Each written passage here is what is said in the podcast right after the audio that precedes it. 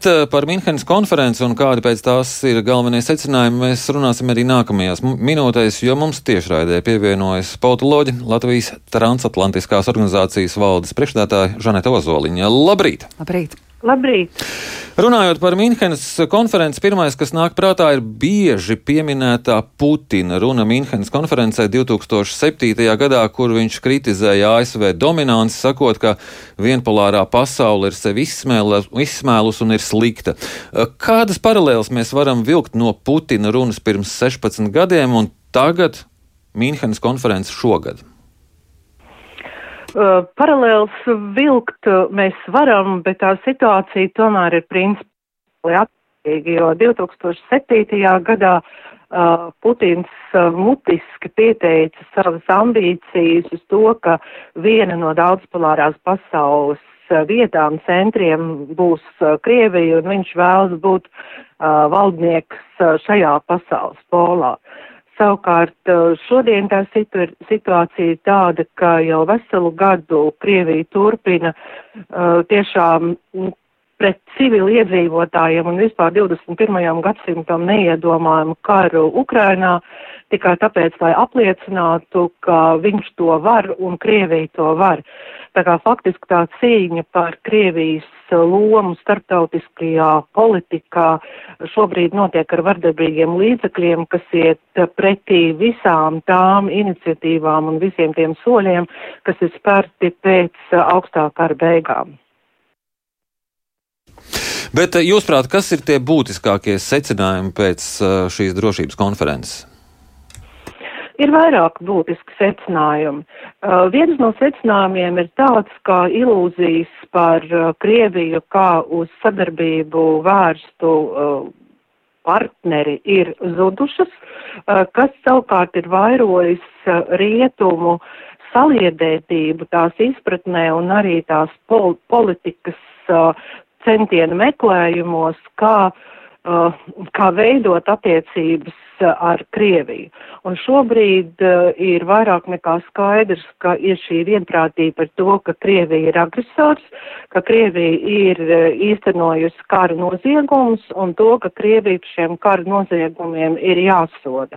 Uh, protams, mēs dzirdam arī vienu otru balsu, kas mēģina šo pozīciju mīkstināt, bet tomēr tā vienprātība gan caur Eiropas Savienību, gan caur NATO ir uh, diezgan izteikta. Otra ļoti būtisks, otrs būtisks secinājums ir saistīts ar uh, pastāvīgas palīdzības sniegšanu Ukrainai, uh, un uh, ļoti trāpīgs bija Igaunijas premjerministrs citāts, kuru jūs pieminējāt, uh, jo tik tiešām pastāv tāda tendence, ka mm, aizsardzības jomas speciālisti vairāk uzsver kara jomu, uh, juristi vairāk uzsver šo kara tribunālu jomu, bet kas ir ļoti būtiski, ka šis viens kara gads ir parādījis, ka nebūs ātri izcinājumu un ka šādam karam nevar būt uh, nu, tādas īsas atmiņas, kas beidzas nākamajā dienā pēc kara beigām.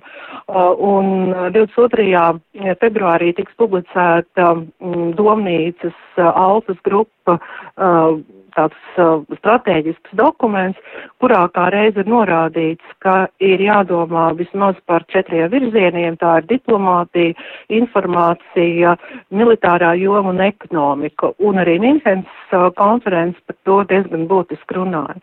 Trešais secinājums ir tāds, ka uh, starptautiskā drošība nevar tikt apskatīta tikai šauros kaut kādos reģionālos uh, rāmjos, jo tādas valsts kā piemēram jau šobrīd Krievija, arī Ķīna, ja mēs skatāmies uz to, kā veidojās attiecības Āfrikā un Latviņamerikā, tad šeit arī ir diezgan liels konflikta potenciāls un tādēļ uh, nevar koncentrēties tikai uz savām drošības interesēm, bet jāskatās plašāk pasaulē.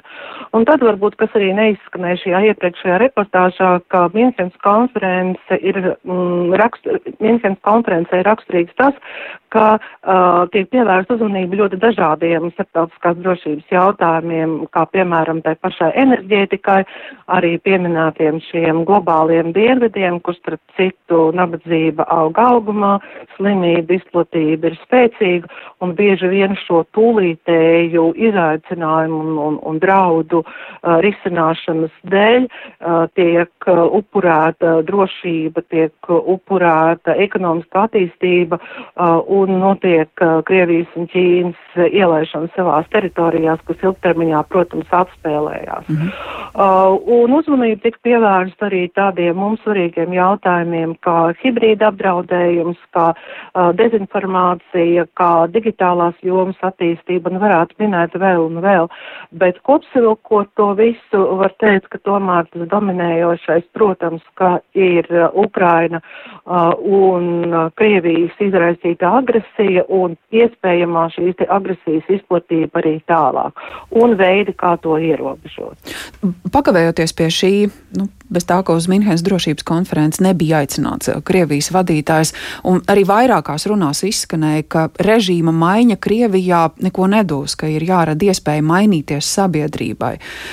Kā tas varētu notikt, kā tas varētu tikt izdarīts, vai vispār Putins šobrīd vēl ir līderis, valsts līderis, ar kuru kāds ir gatavs sarunāties?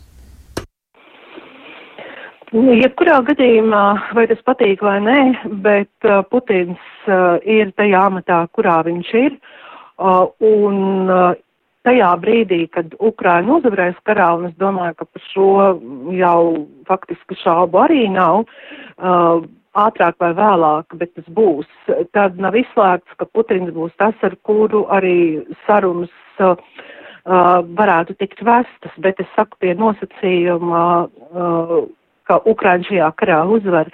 Bet šis komentārs, manuprāt, ir ļoti būtisks, ko jūs pieminējāt, jo diezgan bieži rietumais mēs dzirdam, ka tas ir Putina karš, bet ka principā sabiedrībā noskaņojumi ir, ir, ir, ir pretēji, kas neatbilst objektīvā realitātei, jo es gribētu atgādināt, ir tāds viens ļoti labs arī citāts, kas klīst internetā, ka jā, arī Staļina laikā un arī pēc Staļina nāvis visa vaina tika velt uz Staļinu, bet kāds jau tos miljonus dažādu mm, vēstuļu par savu kaimiņu nodošanu arī rakstīja, un tie bija miljoni, tie nebija uh, desmit vai divdesmit cilvēki.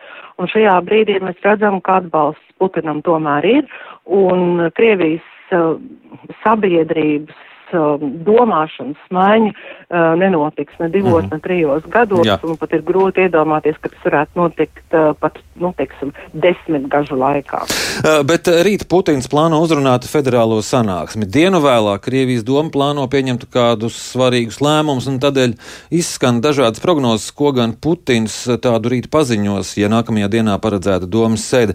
Prognozes ir sākot no jaunas mobilizācijas līdz tam, ka īsti nepateiks nu, neko, lai Krievijas tautai nebojātu šo svētku nedēļu. Kā jūs prognozējat, kas būs? Mm, tas, Tad, kad um, prognozes nonāk līdz Krievijai, tad es parasti at, at, atsakos prognozēt, jo tādēļ, ka tas prognožu spektrs ir, nu, gluži kā varavīgs. Tur var notikt gan tas, gan tas, gan vēl kaut kas. Es domāju, ka līdz pēdējiem brīdim Putins gaida kādas uh, viņam tīkams vēstis no frontes līnijas, bet tā kā tās nepienāk, tad uh, tikpat labi tā var būt uz, uz, uz vēsturi orientēta runa, bet tikpat labi uh, var notikt uh, slavinājumu tam, kas notiek uh, Ukrainas dienvidos un austrumos. Tā kā es šeit atteiktos prognozēt. Mēs teiksim paldies par šo sarunu. Atgādinu, ka mēs sazinājāmies ar politoloģu Latvijas transatlantiskās organizācijas valdes priekšdētāju Žanetu Ozoliņu.